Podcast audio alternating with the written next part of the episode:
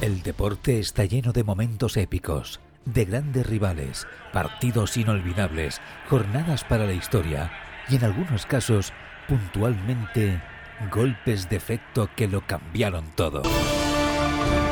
Abcas presenta un podcast repleto de personas increíbles, de grandes deportistas y de momentos, de situaciones que han pasado a los anales de la historia del deporte.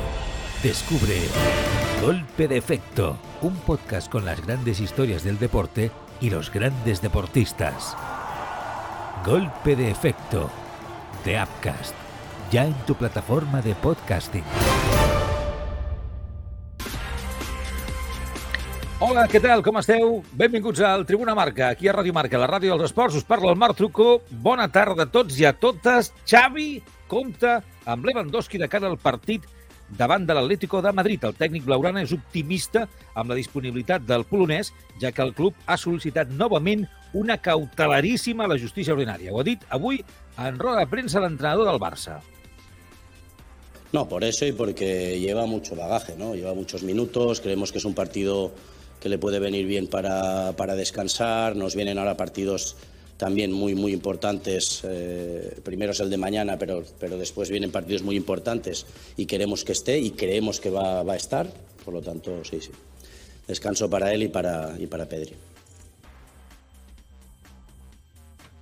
Bé, així, així i tot, eh, això sí, el tot i el seu optimista, dic, sembla que té eh, tants dubtes com tots nosaltres amb la gestió del cas del davanter. Ho deia també en roda de premsa. Sí, claro, es, es, sí, es una incertidumbre también para, para, el jugador, para nosotros, el no saber cuándo se va a resolver esta, esta sanción, ¿no? Eh, estamos a la espera. Yo he hablado con el jugador, le he dicho que esté tranquilo, que no piense en la sanción, que no piense en la sanción, que ya nos avisarán y como así ha sido. Lo que pasa que sí que es verdad que preparamos todo sin, sin Robert esta, este partido y al final pues eh, pudo estar disponible y, y nos pudo, nos pudo ayudar, ¿no? aunque, aunque fuera solo a, a empatar, pero pudo ayudar al equipo. ¿no? Eh, pues bueno, vamos a ver cómo se resuelve todo esto. No es una situación fácil ni agradable para, ni para nosotros ni para nuestros rivales que no, no saben si va a jugar Robert o no. Efectivament, hi ha un pollastre gros damunt de la taula al tema de la sanció de Robert Lewandowski. De moment, no hi ha resolució per part de la justícia ordinària i encara no sabem si arribarà aquesta setmana o la que ve. Pel que fa a la famosa denúncia de l'Espanyol el comitè de competició es reuneix avui, de fet, s'ha reunit a partir de dos quarts de cinc de la tarda. En principi, en els cafès i els croissants, han començat a xerrar del tema i a estudiar la impugnació del derbi de l'Espanyol per suposar d'alineació indeguda. Ja veurem si es resol o no avui, i si ho podem explicar aquí, al Tribuna Marca, Ràdio Marca, la ràdio dels esports, en setmana encara així com de vacances, amb el Joan Prats de... Pues això, no sé, deu estar esquiant, què fa la gent quan va de vacances? Carlos Rojas, què tal? Bona tarda. Les vacances de Nadal, la gent, a part d'esquiar, és que només, només em surt esquiar. Esquiar i patinar sobre hielo. ¿Qué fa la gent? ¿Qué tal? Buenas tardes. Desde luego que yo no hago ni esquiar ni patinar sobre hielo, no me gusta ninguno de los dos. Así que yo soy más... Tampoco soy de estar en casa comiendo, merendando Ferrero Rocher, ¿eh? Como lo la yo. competición. Sí, sí. No sé, yo creo que estoy un poco en el limbo. O sea, las vacaciones de Navidad es una... son vacaciones en las que no sabes qué hacer, un poco como Lewandowski, ¿no? Eh, estas vacaciones, que parecía que iba a descansar, pero no, ¿no? Porque resulta que nos encontramos con todo este sarao. Qué sorpresa, Eh, mira, ya. ya no, claro, es un problema para Lewandowski porque no sabe cuándo va a jugar, si te fijas. O sea, dice, no sé si voy a estar el domingo, si no voy a estar, así cada semana hasta que se resuelva su caso. Yo creo que debe ser la persona más interesada ya eh, en que se resuelva, ¿no? Porque al final tiene que ser un, un lío para, para él también, sin ninguna duda. Indiscutiblement perquè està a l'ull de l'huracà, per tant, eh, i, i, en, i en aquest cas per una qüestió que és, diguem-ne, que lletja, bruta, negativa, no? una sanció, un gest, no? una, una falta disciplinària i, i, evidentment, un tio com ell, que tots sabem que li agradaria jugar a tots els minuts possibles i més, no? i marcar tots els gols possibles i més, no? i seguir sent eh, estandard, exemple, eh, golejador, MVP, tot lo bueno, tot lo bueno. Eh, ho voldria ser, doncs, de moment, ja com aquest, com deies tu abans, limbo, no? Està una mica en el limbo i, evidentment, ha de ser una putada per preparar el partit i pel propi jugador estar aquí. Eh, avui estem fent el directe ara mateix al, al Twitch del programa, eh, twitch.tv barra el Tribuna. Hola, què tal? Hola, què tal? Muy, muy bien. També estem al. Twitter, que al Twitter es veu que també sortim en directe, també ens pots mirar allà. Eh, estarem també a l'streaming, estarem després en el podcast, Eh, no sé si me he dejado algo. Al, ¿Cómo se llama eso? El TikTok, el TikTok. ¿eh? Estoy ensayando pasos de baile para hacer mi aparición un día de estos, marcándome unos dancings. Ah, I al Telegram, també per anar fent patar la xerrada durant tot el dia amb la comunitat que escolta i participa aquí en el Tribuna Marca, és el Tribuna Barça eh, al Telegram, d'acord? I si voleu dir alguna cosa mentre estem fent el programa, eh, doncs hi ha el, el Twitch, eh, el xat del Twitch, on podeu comentar la vostra, anem llegint alguns missatges, a més a més podeu estar participant vosaltres. Avui estarem una horeta, eh? eh una horeta, eh, des d'ara fins que acabem aquesta missió en directe a través del Twitch, cap a, cap a quarts de, de set, i a l'streaming doncs, que anirà de 7 a, a 8, com sempre. Eh, Carlos, clar, el, el pollo aquest al que fèiem referència, aquesta incertesa no només és pel jugador, com deia el tècnic del Barça, és pel propi tècnic, que és el que ha de prendre decisions, és el que li demanarem després explicacions, no? Eh, I exigirem que la seva estratègia, el seu plantejament eh, en els partits sigui l'idoni, no? I, clar, no diria que és el mateix que tenia Leo Messi, però tenia o no tenia Lewandowski, doncs pot variar molt el, no? el sentit de la feina a fer. Hombre, y tanto, y más en un partido como co- el de este fin de semana contra el Atlético de Madrid, ¿no? Es el campo, iba a decir el campo más difícil, evidentemente no lo es, ¿no? Porque está el Bernabéu, pero es eh, la salida, una de las salidas más complicadas, una de las tres más complicadas de la temporada para el Barça y para cualquier equipo, ¿no? De primera división. Así que tener a Lewandowski para mí te determina mucho. Además, si tenemos en cuenta, que luego lo repasaremos, los problemas de gol que está teniendo el Barça, ¿no? Cuando no es Sí. eh, Robert Lewandowski quien, quien no está ahí. Eh, no hay una alternativa, los delanteros no están tirando del carro esta temporada, por tanto, para mí te determina mucho, es el ser o no ser. No creo que sea excusa, ¿no? Para justificar lo que pasó, vaya, lo que sucedió, el empate contra el español, ¿no? Para, para explicar que el Barça no consiguiera más, el hecho de que Lewandowski no pudiera o no hubiera estado en dinámica de titular, ¿no? Hasta el día antes, ¿no? Porque pa- parecía que, que no iba a jugar hasta mediados de enero, pero está claro que, el Barça sí que tiene un problema de fondo con el gol, ¿no? Esta temporada y que tiene que resolver y que yo creo que al final es más una cuestión de, de Xavi que no tanto de, insisto, ya lo dije ayer, ¿no? Cuando fallan varios jugadores, es cierto que, que la forma y el rendimiento de los jugadores siempre influye, pero para mí hay que señalar al entrenador, ¿no? Porque si falla uno o dos jugadores, pues mira, es uno, ¿no? Pero cuando fallan todos los extremos, cuando ninguno parece que te valga, yo creo que hay un problema, ¿no? De fondo y es seguramente el sistema o las ideas que está intentando aplicar el, entrenador en este caso. Vamos a ver si consigue resolverlo, pero no es una situación agradable, desde luego es espantosa y ridícula para la federación, para el comité técnico de árbitros, e incluso veremos cómo acaba todo este pollo, pero puede ser también ridícula y espantosa para la justicia ordinaria de este país, según cómo resuelva. Y, y bueno, no solo cómo resuelva, sino la forma en que lo haga ¿no? y lo gestione. Pero yo creo que sería muy deseable para todos, para todos, es para el Atlético, para el Barça, para Lewandowski, para todo el mundo, que la resolución, sea cual sea, se sepa entre hoy, mañana o el jueves. Porque si no es así y el Barça tiene que pedir otra cautelarísima, volvemos a estar en el escenario del, del Día del Español. El Atlético de Madrid, veremos cómo se lo toma, pero por lógica deberían, lo, deberían volver a darle la cautelarísima a Lewandowski porque lo hicieron siete días atrás. Clar, és que seria... se- La situació, de fet ja ho parlàvem ahir, la situació seria... Eh, anava a dir dantesca, ha sigut el primer adjectiu que m'ha arribat, potser no seria eh, l'idoni eh, eh, dantesca, però eh, sí que seria esperpèntica, no? perquè ens tornaríem, estaríem allargant no? aquesta problemàtica, eh, com diu el Carlos, jo estic d'acord amb ell, no? de que si has concedit la cautelaríssima en una ocasió i no ha passat una, doncs l'has de tornar a concedir. Per tant, eh, tornem a tenir a la Lliga un partit amb la presència de Robert Lewandowski eh, i per la mateixa regla de 3, l'Atlético de Madrid hauria de, no, de demanar també la impugnació. Jo entenc que faria el mateix que l'Espanyol. A ver, depende, porque es que eh, si resu- se resuelve lo del, lo del español esta semana, seguro, quiero decir, yo creo que entre hoy y mañana va a haber resolución. A veure si sabem alguna cosa. Del Claro, eh, el Atlético ya tiene un precedente en este sentido. En el caso del Barça, no. Es la primera vez que se concede una cautelar, ¿no? Y todavía no ha habido esa decisión en firme por parte de, de la justicia ordinaria, ¿no? El TAT sí que resolvió en su día, pero, pero evidentemente cabía recurso contra la justicia ordinaria. Y entonces es muy diferente la situación. Yo entiendo que el Atlético de Madrid puede tener motivos para enfadarse. Tampoco hay rivalidad. O el tipo de rivalidad que hay entre Español y Barça, no nos engañemos. pero, pero aún así, yo creo que lo de impugnar el partido, Marc, ¿no? Teniendo en cuenta que lo más probable es que al español se lo tiren entre hoy y mañana, no, no tendría mucha lógica. O sea, no, no hay ningún argumento.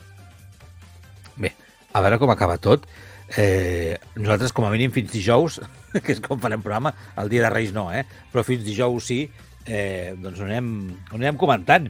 Eh, canvi de tema, eh, a veure, eh, perquè Xavi, evidentment, no ha parlat només de tot això avui en roda de premsa, eh, hi ha hagut altres temes en el tinter, eh, a l'espera de saber si Xavi ha estat eh, preguntat per la manca de gols del seu Barça, el tècnic ha reconegut que tenen problemes d'efectivitat. Ara en parlarem, però això és el que ha dit Xavi sobre el marcar gol.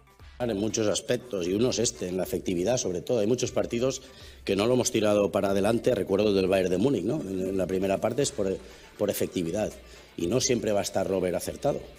Es una, eso es una realidad. Es, entonces tenemos que, que acertar los demás. ¿No? Tenemos que ir sumando goles de segunda línea también. Hablas de la primera línea, pero la segunda línea también. En estrategia el otro día hicimos un gol y vamos, mejorando, la trabajamos.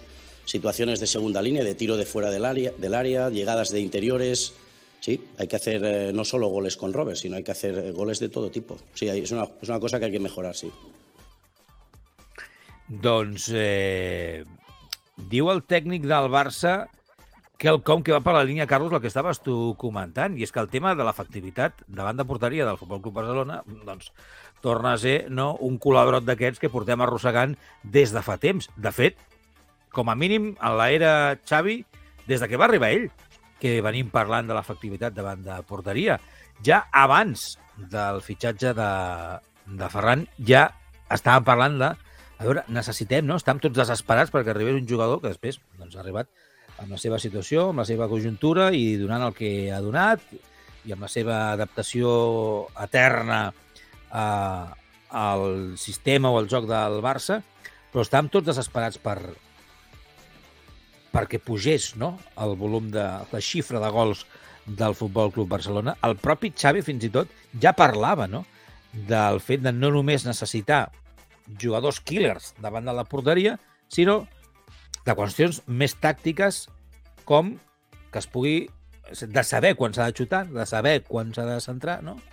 de que sigui la segona onada que arriba a la porteria la que també té la possibilitat de marcar gols. I tot això, com dius, Carlos, de fet, Xavi una mica ho estava, ho estava explicant amb, amb aquest tall, no? És un... Jo no, aquí hauríem de posar, no sé què pensant els oients que ara mateix ens estan escoltant i veient i que poden participar a través del, del chat del, del Twitch, no sé la balança cap a on s'inclinaria. És a dir, fins a quin punt és un tema de manca d'efectivitat individual dels jugadors que són incapaços en la situació en la que arriben a porteria de xutar i marcar, no? més enllà de Robert Lewandowski, eh, i quin tant per cent, no? o si pesa més, com deia el Carlos, el tema de que sigui una qüestió estratègica, no? de que no s'està acabant d'entendre, de saber jugar, que els jugadors estan descol·locats, que els jugadors el sistema que estan intentant aprendre, posar en pràctica, doncs no, no, no flueix, no, no flueix, no l'acaben de dominar i això, com diu el Xavi també, doncs és un problema perquè eh, la conseqüència final és que s'arriba a l'àrea i, no, i, i, i, ahí, ahí nos perdemos, ahí nos quedamos, no, no passamos d'ahí. Eh, clar, jo estic d'acord amb tu i, i, i, i amb certa preocupació, suposo com tots, perquè no hi hagi gol. Però clar, és una cosa que venim arrossegant. No sé si sempre han trobat la, la solució, perquè clar, viure només de Lewandowski, d'això ja, ja, ya sabem el que és. Yo sobre todo el tema de los extremos, ¿no? Es que es un poco volver a algo que, que hemos ido hablando durante toda la temporada con Joan, ¿no? Y que creo que, que es una realidad, que creo que Xavi no quiere señalar a nadie porque es evidente, es el entrenador del Barça, ¿no? Y él habla de, del equipo y demás, pero mm. tiene un problema muy grave con los goles, ¿no? El Dembélé nunca ha sido un extremo goleador, ha sido un extremo, un extremo que genera muchas asistencias. En el, el mejor momento, cuando, cuando está. Cuando, eh, cuando, está bien, cuando está. Claro, pero es un extremo puro, ¿no? Entonces, no es el extremo que interioriza más. En ese sentido, seguramente lo sería más Rafinha, y Rafinha no está haciendo una temporada correcta, ¿no? En cuanto a números eh, en cuanto a cifras goleadoras, ni mucho menos, tendría que aportar mucho más, pero siendo sinceros, tampoco se le puede pedir a Rafinha, ¿no? Que, que, sea el máximo, segundo máximo goleador y que más o menos siga un ritmo alto, ¿no? Y regular de goles. Por el perfil de futbolista que es, porque tampoco ha sido un futbolista nunca de hacer 25 goles por temporada en todas las competiciones, no nos engañemos.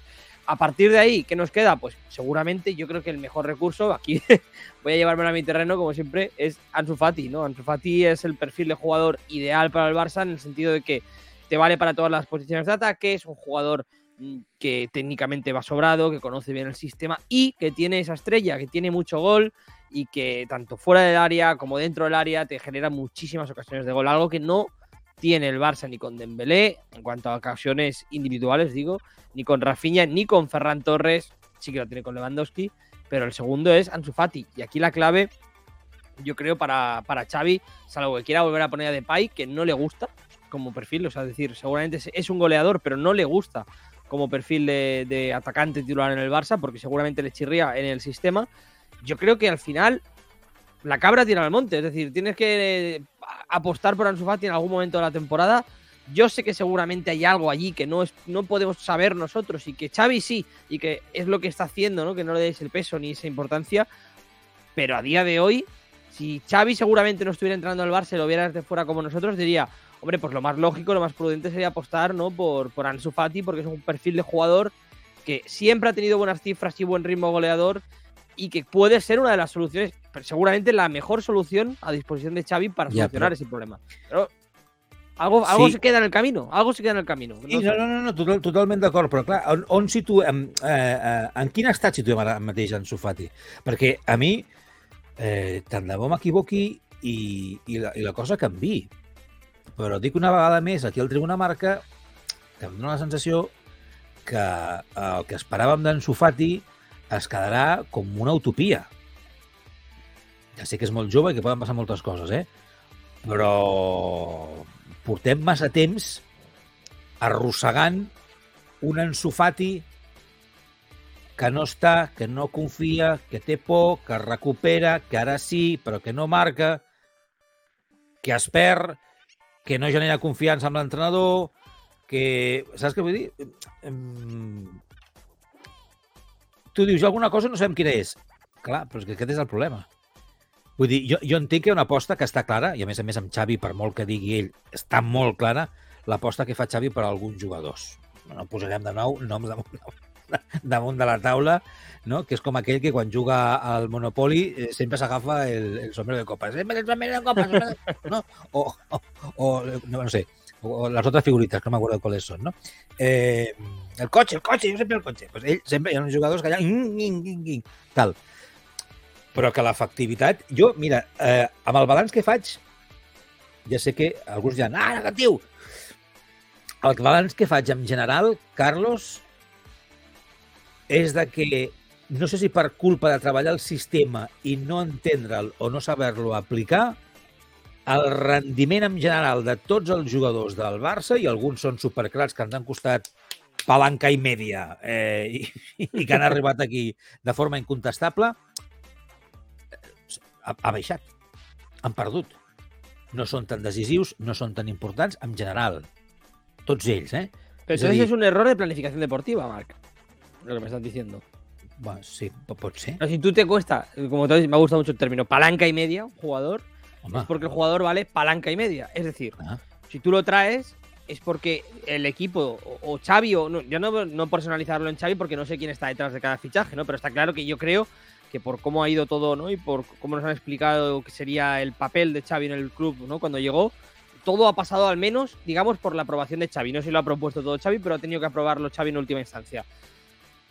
Si realmente el dinero de palancas, ¿no? De, un- de una acción que ha sido muy costosa, ¿no? Para la economía del club, para el patrimonio del club sobre todo, ¿no? Y para el prestigio, incluso te diría, lo has invertido en soluciones fallidas, entonces el, el problema es un error de planificación brutal. Al final, ya le podemos pedir a Xavi que, que intente encontrar el sistema perfecto o, o a Rafinha que marque más goles o a Dembélé que marque más goles, que eso lo hemos pedido.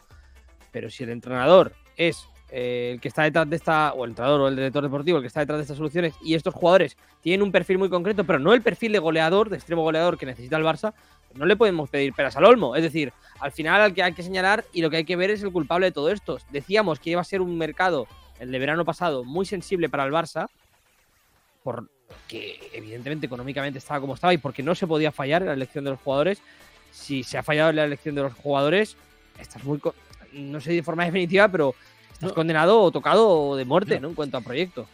Jo, jo, no, jo no sé si ha fallat l'elecció dels jugadors. Quan van arribar els fitxatges, la majoria posaríem la mà al foc per ells i, per tant, diríem que no, que no s'ha fallat no? amb, els, amb els jugadors.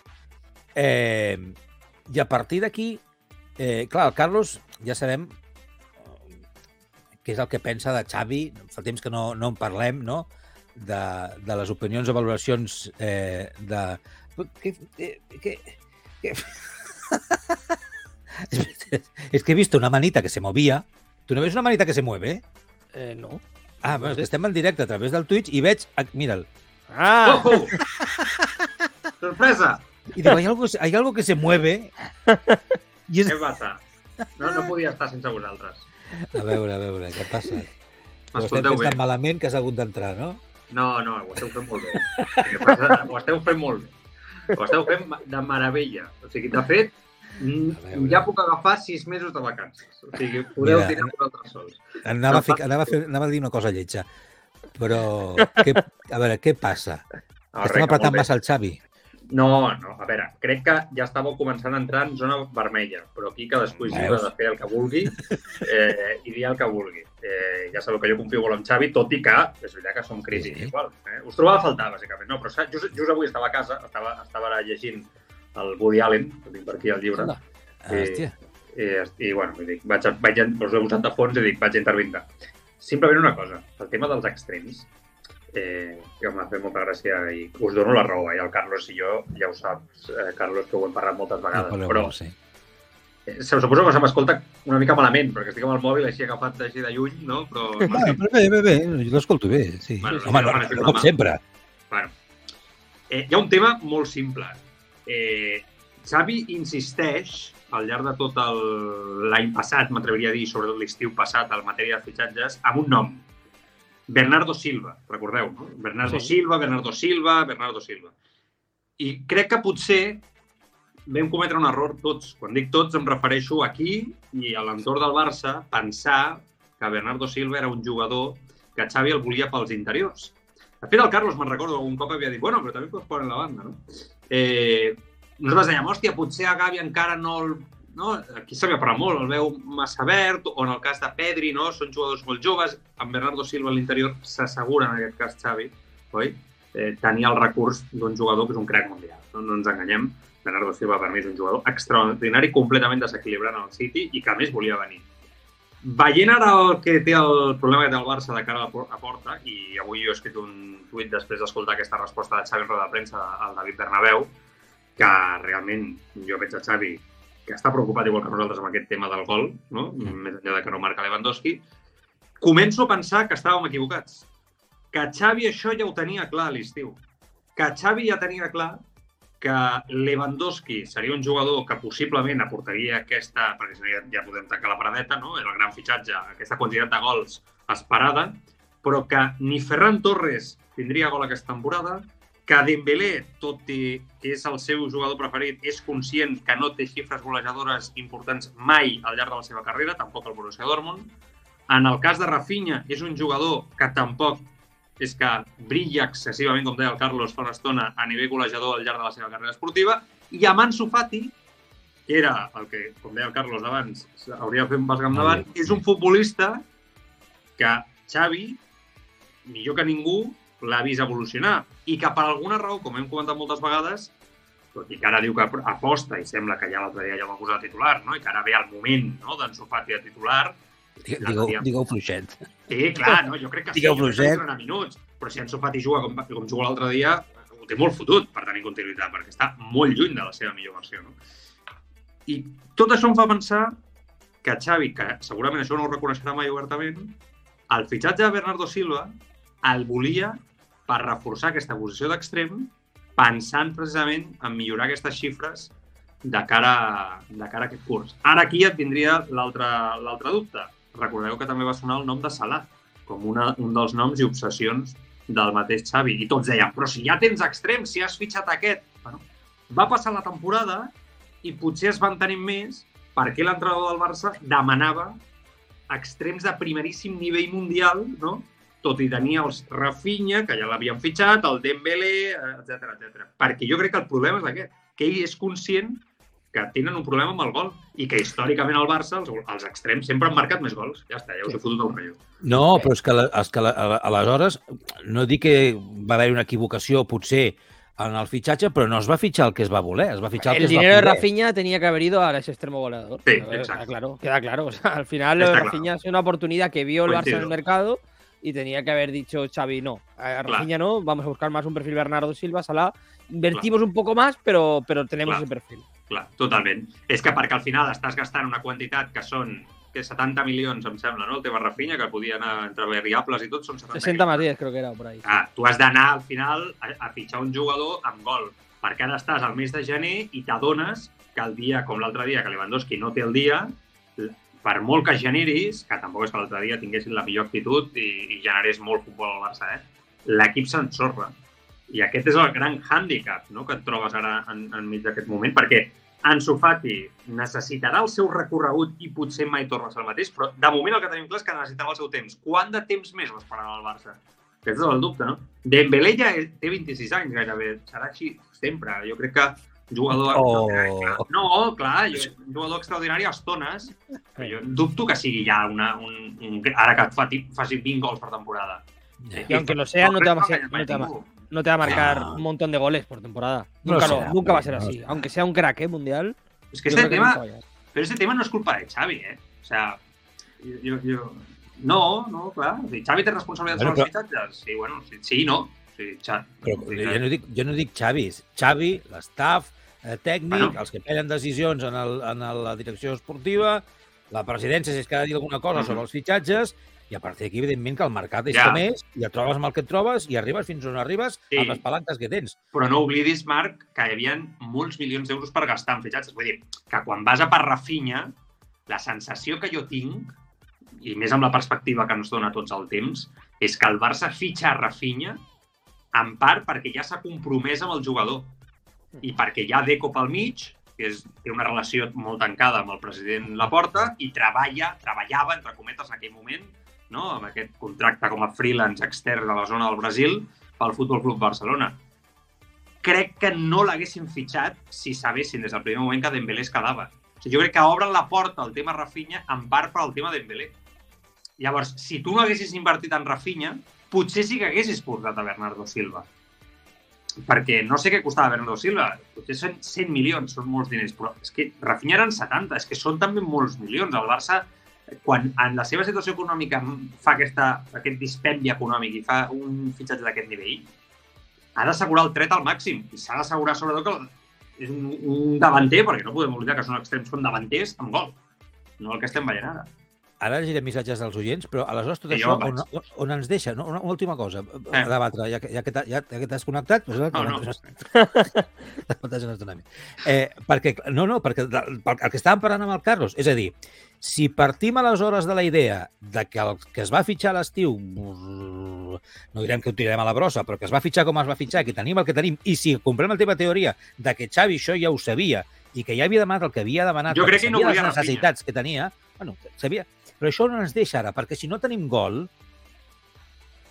i només tenim a Lewandowski, que farà o no farà, depenent de com pobre tingui el dia o com li surti o com estigui d'enxufat, si enxufat encara no està i no sabem quan estarà ni com estarà, eh, què, ens, què ens queda? Perquè ara grans fitxatges no els farà el Barça. No, ara. no, això ja... per tant, el gol d'on vindrà?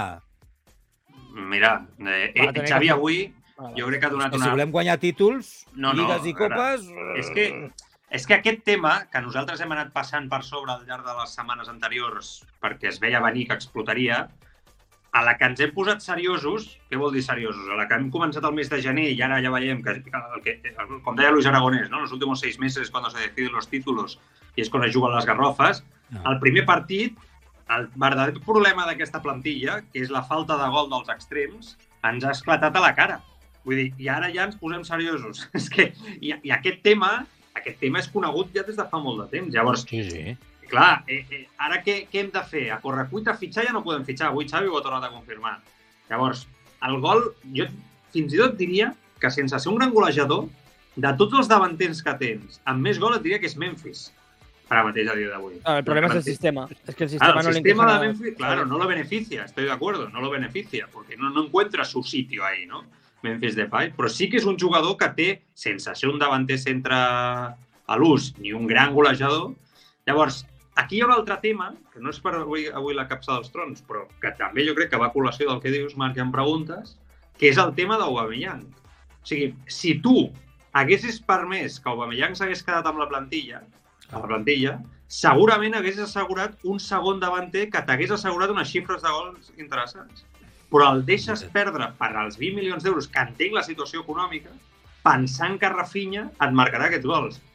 Xavi, en tot això, en contra. Vull dir, Xavi està en contra de que surti Aubameyang, està en contra del fitxatge de Rafinha, fixeu-vos perquè ell, ell se'l menja perquè bueno, bueno, ja ens hem compromès. Vull dir, hi ha una sèrie de tres decisions a l'estiu que l'entrenador diu ep, no, però l'altre, la, la comissió tècnica diu tant sí com no, això és el que hi haurà, que ara estan perjudicant en aquest tram de la temporada, ara quan ens preguntem, escolta, i els gols de Lewandowski què? Pues, hem de mirar enrere i dir, bueno, és que potser aquesta comissió tècnica hauria d'haver fet cas al seu entrenador no?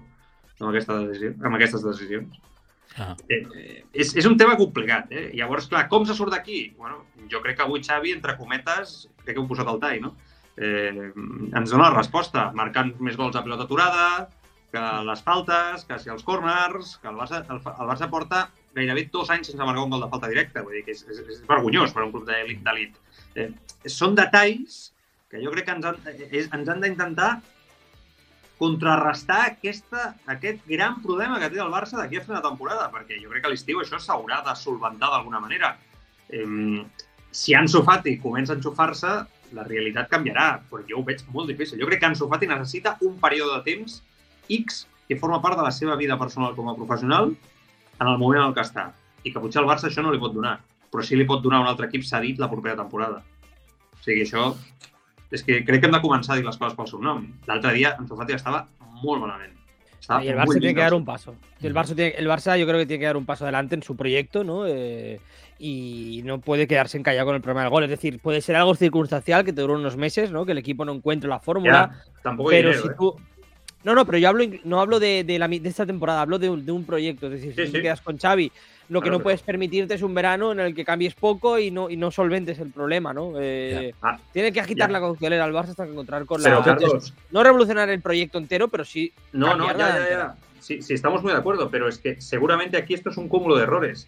Y, o sea, lo que decíamos en verano, recordad que este debate lo habíamos tenido los tres aquí muchas veces, de decir, oye, es que seguramente el Barça está arriesgando mucho vendiendo patrimonio, pero en las decisiones que se tomen se tiene que acertar. Porque Sí. en una situación como esta eh, no se puede fallar. Y meses después estamos viendo que el fichaje de Rafinha, eh, ¿no? ¿Eh? Mm. Eh, el tema de Ferran Torres, que nos vamos más atrás, 55 millones por Ferran, creo que ya podemos decir hace un año que es excesivo y que es un jugador que tácticamente es muy bueno, que entiende el juego, etcétera, pero que no tiene ese gol que necesita el equipo. Por lo tanto, si sumas a Rafinha y a Ferran Torres, son 130 millones que has invertido en dos extremos que perfectamente te podías traer a Sala, podías traer a Mané, que era una oportunidad de mercado sin duda en, el momento, ¿no? Y que es un jugador ya más mayor, pero que te aseguraba cifras económicas con el gol mayores que las que tienes. O sea, creo que hay un error grave que ahora se va a encontrar el Barça en el próximo verano sin poder fichar, porque el Barça el próximo verano seguramente no va a poder fichar. Bueno, esto ya lo hemos ido explicando, pero tal como está el tema del fair play, es prácticamente imposible que el Barça pueda pagar traspasos y que la única opción es fichar a coste cero. Moukoko, bueno, claro, ¿te vas a poner todo el peso del gol a un chaval de 17 Claro, años? es, lo, es lo mismo que Ansu Fati, entre comillas, ¿no? Sí, está sano.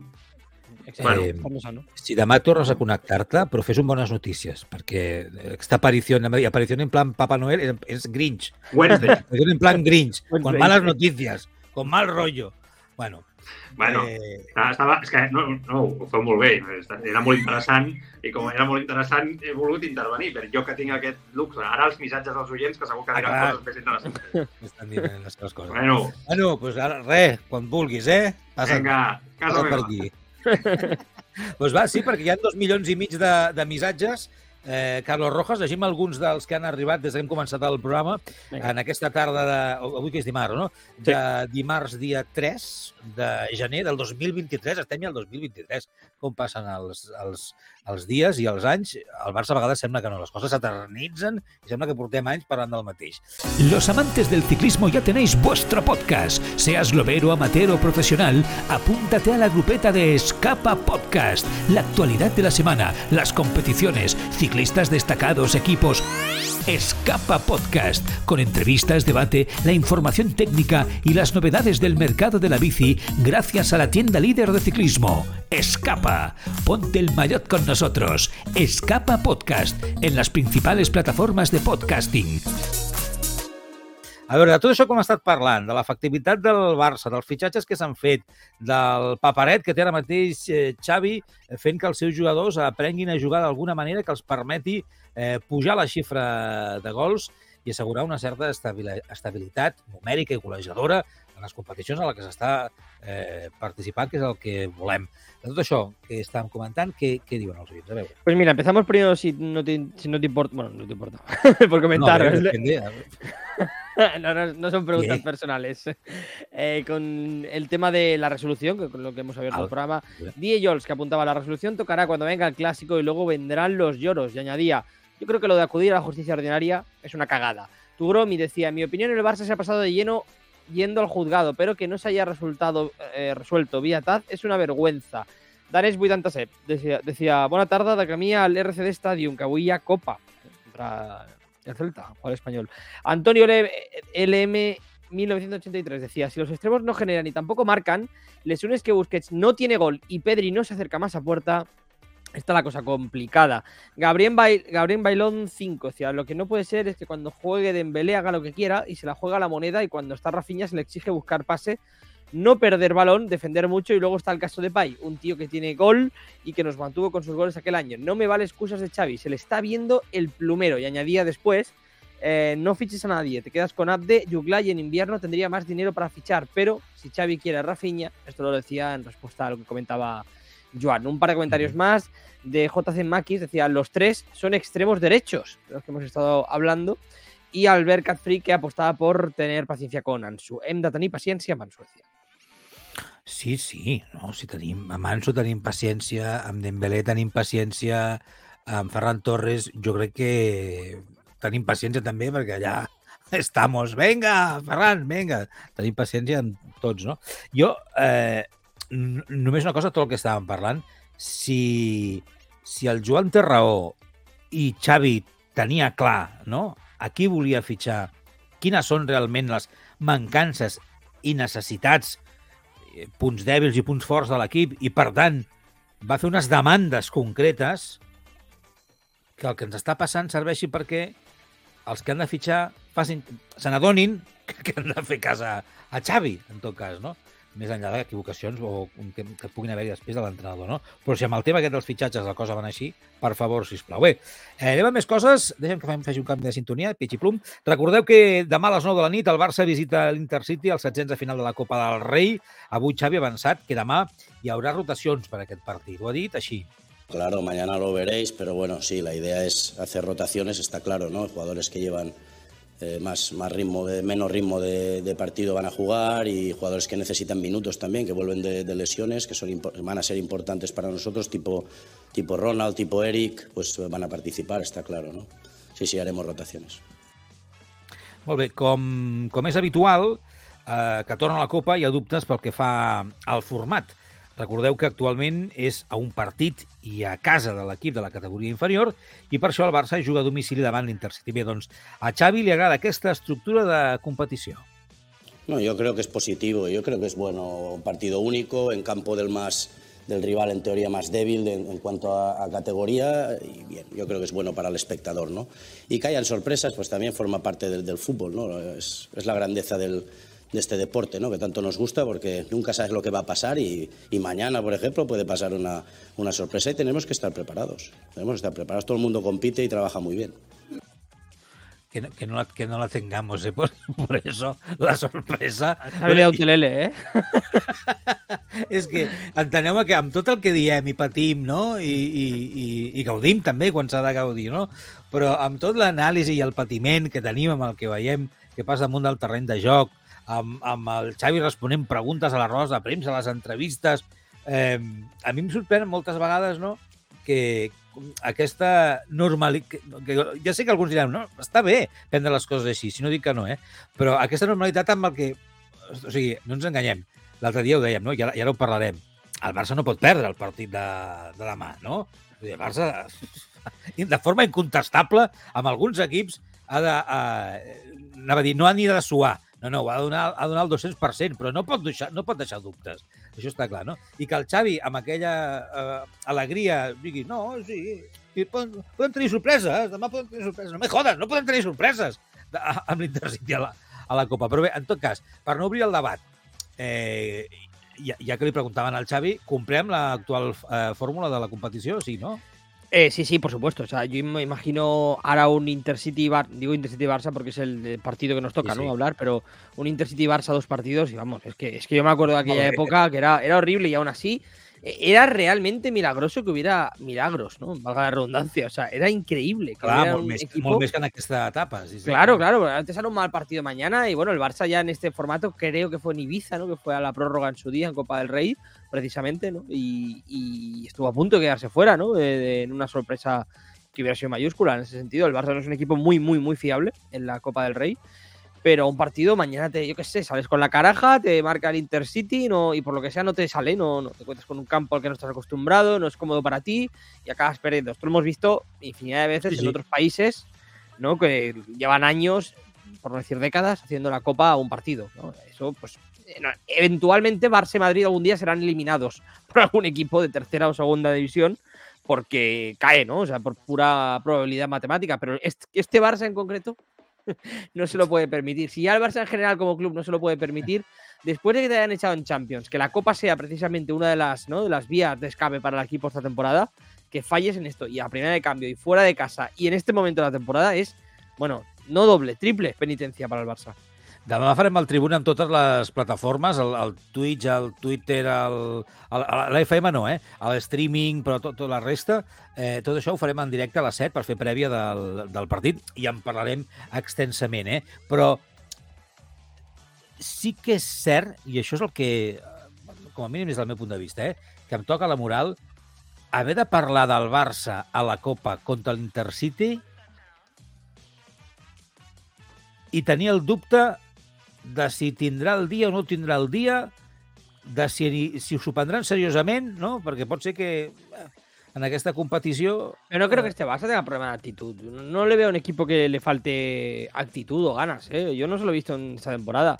De hecho, creo que es un equipo que ha ido fuerte. El problema es que muchas veces no ha tenido no ha tenido fútbol. No, No, tiene com anys fútbol. passats, però alguna coseta de manca de motivació en algun partit sí que ens hem trobat. Bueno, sí, Voluntària, no sé. Pero, pero no, no es exacto. Pero, és que lo- no no s'ho poden permetre, eh? Claro, pero yo, yo, o sea, lo que voy es un poco lo que tú has dicho ahora al principio, ¿no? Que no es como en años anteriores. Es decir, yo no creo que este Barça vaya, ¿no? Con un poco el piloto automático. Creo que es un equipo que, que realmente tiene hambre. Y yo creo que el mejor, la mejor constatación es la temporada que está haciendo el Barça en Liga. Yo creo que el Barça tiene peor plantilla que el Madrid. Y está a día de hoy, ha estado hasta ayer, ¿no? Por delante en la Liga, ¿no? Es decir, está compitiendo muy bien en Liga, por ejemplo, ¿no? Que es, que es lo importante. Y recordemos, que lo escuchamos a Xavi en el documental de Prime Video, es la prioridad absoluta para el Barça esta temporada, ¿no? Ser el, el ganador de la Liga. Bé, eh, n'hem parlat ja una miqueta, però evidentment també li han eh, preguntat a Xavi en roda de premsa pels fitxatges. Eh, confia que arribi algun jugador i sembla que l'entrenador del Barça no és massa optimista. No, apuntalar lo que tenemos nosotros, sin más. De momento tenemos y somos los que somos y estoy contentísimo además con la plantilla, el ambiente que hay en el vestuario, el equipo es, es ganador, tiene ganas de ganar, me lo demuestran en cada entrenamiento y a partir de ahí no quiero hablar de, nombres o, posibilidades de refuerzo. Creo que tenemos una gran plantilla y, y contentísimo de lo que, de lo que tengo. Bueno, tira pelante amb el que...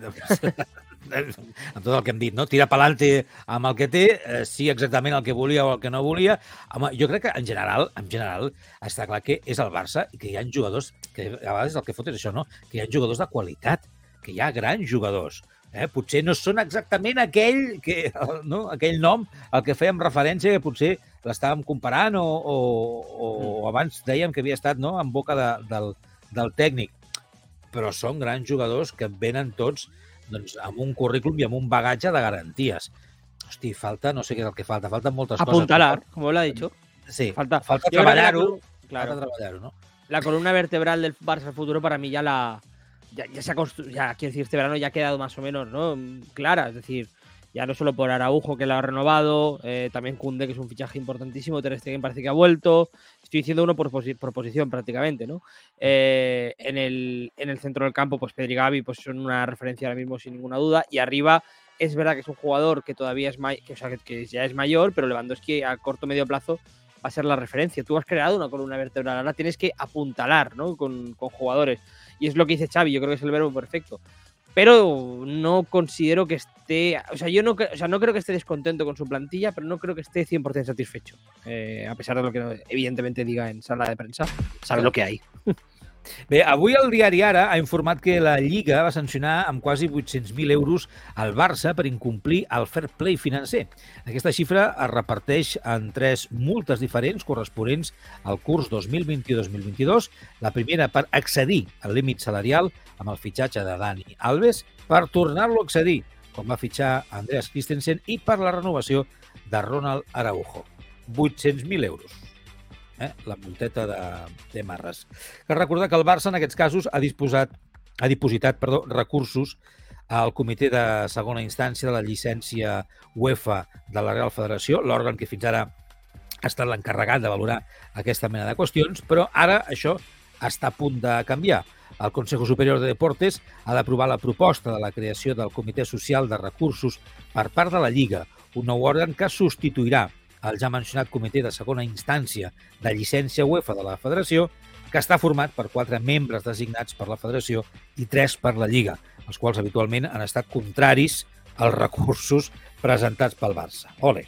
Ara tots serien designats per la Lliga, que no resol favorablement els interessos blaugranes normal, normalment. O, oh, quina sorpresa. Eh, anem fatal de temps, oi que sí? Sembla que anem, anem justets. Eh, doncs apretem una mica la màquina. Eh, atenció perquè demà no podrà jugar finalment Iñaki Penya, segons ha informat Catalunya Ràdio. La federació s'ha posat en contacte amb el Barça per aclarir que el porter no és apte per disputar la Copa del Rei, ja que té més de 23 anys i encara compta amb fitxa de filial. Fins que no renovi amb el Club Blaugrana no tindrà la possibilitat de disputar aquesta competició. Carlos, veus Arnau tenes capacitat? No? Yo creo que sí, vamos, al final jugar contra... Y, y, la, y, las referencias de él son muy buenas en el club. A mí lo que me parece muy fuerte es que nos enteremos hoy de lo de Iñaki Peña. O sea, es algo prácticamente sin precedentes. O sea, que sea la federación quien avisa al Barça de que Iñaki Peña no, no, puede jugar. Yo no sé si el club lo tenía en cuenta, pero hasta ahora no había salido ningún medio de comunicación, nadie lo había comentado, ni, ni, ni se había dejado entrever, por tanto di por hecho que no. Es decir, por ser más directos, si la federación no llega a avisarle al Barça de esto, ¿habría cometido el Barça mañana alineación indebida como hizo el Madrid con Cherisev en su día? Porque vamos, la sensación es especular mucho, eh, ya lo sé, pero, pero vamos, la sensación de que se lo tenga que decir la federación por una norma muy concreta que está ahí, que existe y que está por algo, me parece fuerte. O sea, me parece fuerte que el Barça al final se salva por los pelos y lo que le faltaba era otro, otro escándalo de este calibre, ¿no? Después de lo que está pasando con competición y la justicia ordinaria. Sí, y a més a més, quin pal per Iñaki Peña, no? A la banda, amb tot això. Sí, la verdad es que sí. Yo creo que está en un momento está en un momento en el que tiene que jugar, en el que yo ya lo dije ayer, ¿no? Que creo que pese a que el Barça le quiera renovar, él debería mirar por su carrera. Yo creo que él es una persona muy, muy barcelonista. No lo conozco ni, ni le he escuchado prácticamente, pero solo porque considere renovar con el Barça, ¿no? En los mejores años de su carrera y pretendido por grandes equipos sabiendo que Ter Stegen va a ser titular indiscutible y no lo siguiente, pues dice mucho de él, ¿no? De las ganas que tiene que darse aquí, pero, pero creo que tiene que hacer un acto de sinceridad consigo mismo y, buscar un equipo en Primera División, que yo creo que ahora mismo el cartel lo tiene, quizá más adelante no lo tenga, y eso lo tiene que valorar.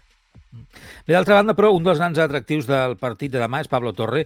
El migcampista cantabre només va ser titular davant del Victoria Pilsen i en total suma 108 minuts com a blaugrana en quatre partits. La seva explosió com a blaugrana encara ha d'arribar i aquest mes de gener pot ser determinant pel seu futur. Li han preguntat avui a Xavi en roda de premsa i ha dit això. Oh, es, es, futbolista del primer equipo y cuando no participe demasiado en el primer equipo, pues eh, bajará en el filial, así se lo, se lo transmití cuando, cuando lo fichamos, pero es futbolista del primer equipo y mañana va a tener minutos importantes y está entrenando bien y forma parte del, del grupo y estoy con, muy contento con él. Bé, tot a punt perquè el Barça comenci una nova aventura a la Copa del Rei. Ja sabeu que és una competició que se li dona molt bé i que ha guanyat més cops que ningú. D'aquesta manera pot ser una bona oportunitat perquè Busquets es converteixi en el jugador amb més títols de la història, superant Gainza, Messi i Piqué. Tots tres van aconseguir també set Copes del Rei. Qui sap, podria ser l'última oportunitat per a, per a Busquets. Eh, un detall molt curiós, i és que avui eh, l'Al Hilal, rival directe del Nassar, nou equip de Cristiano Ronaldo, l'Aràbia Saudita, ha posat a la venda samarretes a, amb el nom de Leo Messi. Eh? Els que esteu mirant a través del Twitch i del Twitter, us punxo la imatge, aquí, aquí ho teniu, eh? eh? És una forma de provocar, clar, i de treure l'atenció a la presentació del portuguès que s'ha produït eh, avui dimarts. Aquí, aquí el tenim, no? A la imatge es pot veure, no sé si l'heu vist per les xarxes socials, eh? A, a Cristiano amb la seva samarreta i l'equip rival, a l'Ailal, doncs, eh, no sé, amb la seva botiga, no? la botiga del club, doncs amb les seves samarretes, amb Messi, eh, toca, i amb el número 10. Eh? Toca't Eh. els, toca't els nasos. Digues, digues. Dicho, o sea, que, que como detalle está muy bien, ¿eh? o sea, es divertido, pero mm, madre mía. Eh, qué, vergüenza, ¿no? O sea, quiero decir que ver a Cristiano Ronaldo metido en Arabia Saudí. A mí es que yo cada vez que lo veo me, me llevo las manos a la cabeza, ¿no? Ya sé que es mucho, es mucho dinero, 215 millones, ¿no? Por temporada, lo que, lo que queráis, pero no sé, o sea, lo están presentando ahora, ¿no? Cristiano y, y verle, por mucho que ya su carrera no está en su punto álgido y demás, jugando en estos equipos, con Que todo no el toca, para no toca Cristiano Ronaldo. no, una- yo nunca creí que sería así. O sea, es como ver a Messi ahí, ¿no? Se me hace raro, o sea, creo que no, nunca me acostumbraré. Se ha hablado mucho de que el Al Nasser, ¿no? Se ha comprometido a ponerle una cesión, ¿no? Una opción de salir cedido al Newcastle, que es, recordemos, el equipo de Arabia Saudí que lo ha comprado como país. Eh, si se clasifican a Champions, que van bien encaminados, van segundos en Premier. Pero vamos, me parece me parece muy triste en general, ¿eh? aunque Cristiano acabe en el Newcastle jugando la Champions la temporada que viene, todo, pasar por ahí, pasar por este aro, yo creo que es incluso humillante para él, haber aceptado una pequeña humillación como jugador. Ya sé que es duro, ¿eh? Con lo que estoy diciendo, pero Estic d'acord, Però estic crec que és així. Estic totalment d'acord. Eh, anem a altres qüestions. Els primers fitxatges al mercat d'hivern ja, ja comencen a influir econòmicament en futures decisions d'alguns clubs. Aquest és el cas del Liverpool. L'equip anglès ha fitxat a Godi eh, Gakpo eh, per 42 milions i té previst retirar-se de la cursa per Jude Bellingham. El nostre estudiant en pràctiques, el Raül Urgell, ens dona més informació sobre aquest moviment de mercat i quina és l'alternativa que té el Liverpool. Raül, què tal? Com estàs? No escolto el Raül. Espera, espera, espera. Ara, ara. Ara, Ara, ara, que t'hem obert el micròfon. Eh? tenía cerrado, tenía cerrado. Què tal, Raül? Bon any, bon any. Igualment. igualment. És l'altre estudiant en pràctiques. Ahir vam posar-li cara i veu, tot i que ja els havíeu escoltat, eh? amb algun tall, amb alguna cosa d'àudio al mig del programa, amb alguna traducció, no? Del, d'algun tall en, en anglès o en alguna altra llengua, eh, però avui els hi veiem la cara aquesta setmana, els donem micro i pantalla, eh, perquè conegueu el gran equip d'estudiants en pràctiques que tenim al Tribuna Marca. Doncs va, som-hi, alternatives per Liverpool. Doncs mira, un dels grans debats del mercat de fitxatges és on acabarà Jude Bellingham, el jove migcampista del Borussia Dortmund. Segons el diari anglès Mirror, el Liverpool planteja retirar-se de la cursa pel jugador degut a les ofertes econòmiques que proposen tant el City com el Real Madrid, els dos equips que han mostrat més interès en Bellingham. A Alemanya ja s'està parlant d'un traspàs que el Dortmund buscaria tancar en 120 milions d'euros. Fins ara el Liverpool semblava ser l'equip que encapçalava aquesta cursa.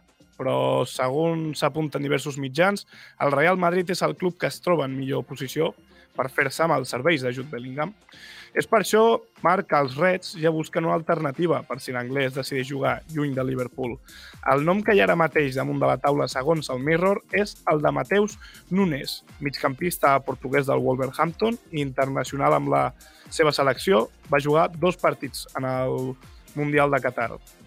El jugador té 24 anys i el preu del traspàs rondaria els 50 milions d'euros, una quantitat molt més inferior als 120 que busca recaptar el Dortmund per Bellingham. Ara, cal recordar que Mateus Nunes va arribar al Wolverhampton al passat mercat d'estiu per 45 milions, va, es va convertir en el fitxatge més car de la història del club i, clar, ara està per veure si els Wolves estaran disposats a desprendre's del jugador portuguès. Clar. Carlos, com veus el cas Bellingham? Bueno, mm, yo creo que a esta historia le falta todavía un par de giritos más. O sea, yo creo que Bellingham está jugando un poco a, noviembre, diciembre fue el mes del Liverpool, ¿no? Que parecía octubre, noviembre, ¿no? Que Liverpool lo tenía muy encarado, ¿no? Que estaba muy bien posicionado en la lucha. Ahora parece que es más con el Madrid, ¿no? Yo creo que va, va a haber, o sea, está claro que este fichaje no se va a cerrar en enero, bajo mi punto de vista. Luego mañana se anunciará y ya haré fatal, ¿eh? Pero yo creo que al Dortmund ya, que, que ya es perro viejo y el propio Bellingham, ¿no? Que, es- es un club que le gusta mucho el Liverpool, dice que es el club de la de, infancia, ¿no? De, Bellingham. Eh, y el Madrid, que evidentemente es el Madrid, es el club más atractivo del mundo ahora mismo para cualquier jugador, pues es una, es una dicotomía importante ¿no? para él. Y yo creo que esta situación va estar meses, porque va a depender mucho al final, no nos engañemos, de la temporada del Liverpool, porque si por mucho que imaginamos que Bellingham se quisiera fichar por el Liverpool, que pusiera el Liverpool como prioridad, el hecho de que ahora mismo los de Klopp están sextos en Premier, si no se meten entre los cuatro primeros, yo creo que eso influye muchísimo en la decisión final.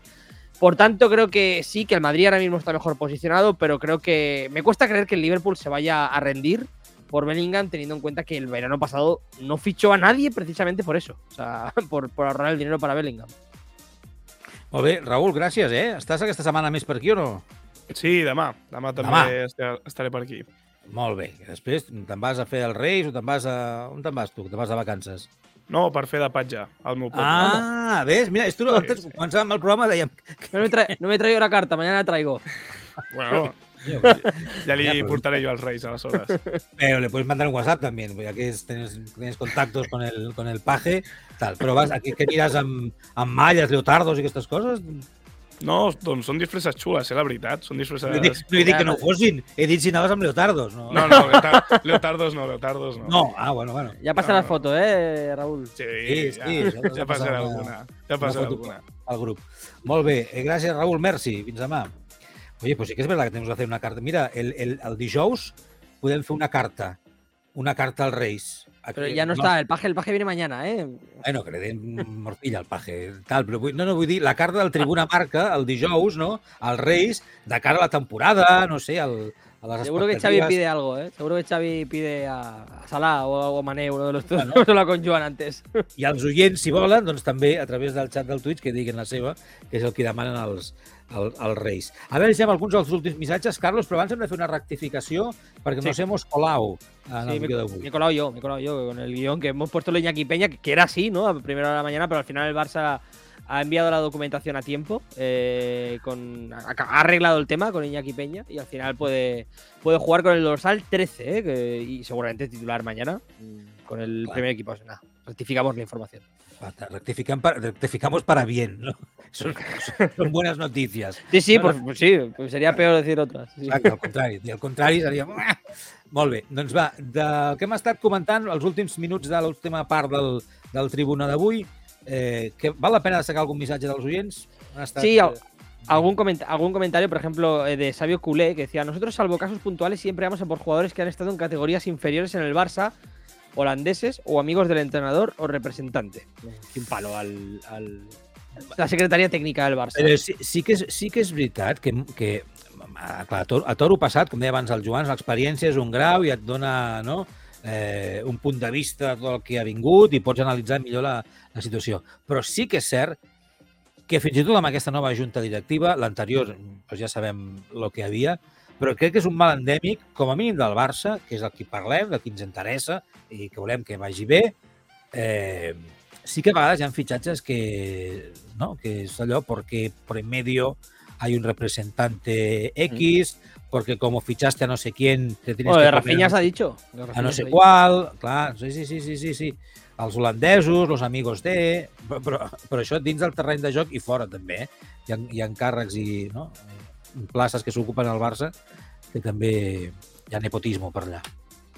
Sí, sí, totalmente. Y yo creo que esto seguirá pasando en el fútbol siempre, ¿eh? pero bueno, eh, cosa que, cosas de la, Què diu el Sabio Culé? Cosas de la vida, cosas de la vida. Sabio Culé, el entrenador no sabe si va a seguir el año que viene. Los fichajes caros los tiene que decidir la dirección deportiva. Eh, y luego, por otra parte, eh, DJ Jols comentaba, hombre, ¿qué, qué, qué van a decir si los eliminaron de la Champions? El presidente a principio de temporada dijo que se aspiraba a todo. Y ahora ya ha tenido que recoger cable a dos manos, por lo que hemos ido comentando antes. Y un par de comentarios más para cerrar el tema de Bellingham, del propio DJ Jols, que decía, si lo ficha el Madrid es un pedazo de fichaje. Que Digi Jols, recordemos, es, el, es creo, creo, ahora no quiero liar, pero creo que es un oyente del Madrid. Nos escucha. Sí, es madridista. Y Sabio no sé, Culé no sé dónde pincha, pero es madridista, ya nos dirá. Sí, ya tenemos a la sesión de DJ Jols. Y Sabio Culé que decía, muy bueno, si lo fichan y en verano Hendrik va a tener un equipazo. Bueno, Hendrik, recordemos que llega en verano, pero del 2024, ¿eh? que, que al Madrid le queda tiempo para, para ver a, a Hendrik en la capital. Molt bé, doncs ho deixem aquí. Eh, sort, sort a l'Espanyol. Eh, ho dic ara, eh, si esteu escoltant amb streaming el programa, doncs estaran jugant ja, però si sort a l'Espanyol. Nosaltres demà, com que juga el Barça a la Copa, farem el Tribuna en totes les plataformes, menys per FM, a partir de les 7 de la tarda. Vale? Una abraçada per tots. Gràcies, Carlos. Gràcies, Gràcies. al Raül i al Joan, als oients que heu estat participant, a tot el món. Felicitat, alegria, cagations, Papa Noel, reis per tothom. Que, que això vol dir gols, bàsicament, gols pel Barça. Eh, demà hi tornem. Gràcies, adeu.